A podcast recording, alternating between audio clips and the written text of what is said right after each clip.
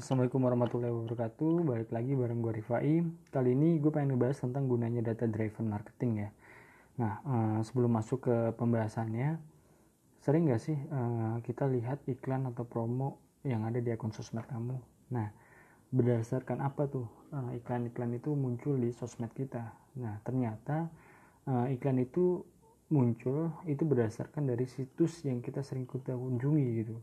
Nah, ternyata itu uh, direkam dan data-data itu menjadikan kita untuk bisa melakukan promo-promo atau iklan-iklan kepada orang-orang yang tepat. Nah, itu makanya data itu sangatlah penting. Jadi kalau kita bisa membuat strategi marketing berdasarkan data, maka peluang campaign marketing kita akan semakin besar.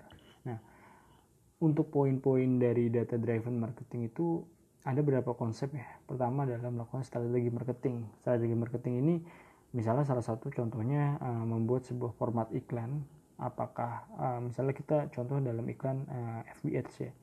Apakah kita memakai iklan dalam format video gambar atau menggunakan beberapa gambar uh, sekaligus tayangan slide ya.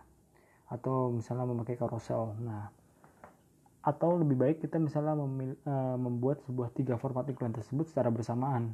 Jadi uh, kita menentukan sebuah budget yang sama misalnya 70.000 per hari itu sesuai misalnya uh, format iklan masing-masing dari video, gambar dan carousel. Nah, di sini adalah kita ingin uh, melakukan uji coba uh, dengan mengukur biaya per lead ya, sehingga kita bisa memantau iklan mana yang mendorong konversi yang lebih tinggi. Nah, kemudian kedua adalah digital transformation, digital transformation.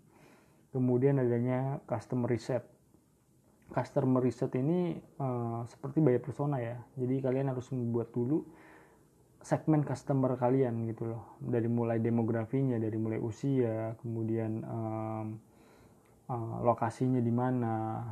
Nah itu penting banget. Terus uh, yang paling penting adalah bagaimana kebutuhan dia apa gitu loh. Apa yang bisa kita jadikan uh, memberikan solusi bagi uh, masalah mereka. Nah ini makanya pentingnya dengan data-data kita bisa menyimpulkan iklan mana yang akan mempunyai performance yang lebih baik.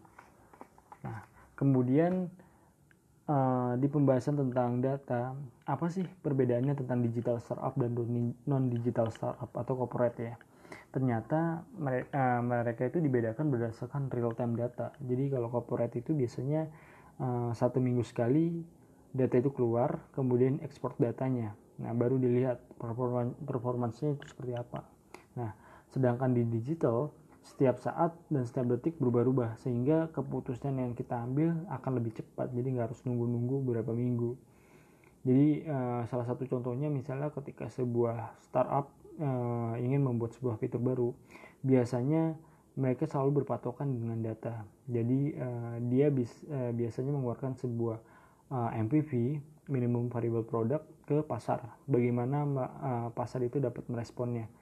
Uh, feedbacknya seperti apa gitu? Apakah positif atau sebagainya? Atau seba, uh, atau uh, sebagainya gitu kan.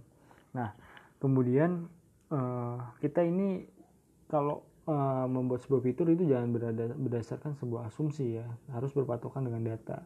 Nah itu makanya penting banget untuk melakukan riset dulu ke customer kita kemudian melakukan A/B testing. A/B testing itu yang baik lagi tadi uh, kita menguji coba format iklan mana yang lebih baik sehingga kita bisa menentukan uh, ke depannya mana yang akan kita ambil.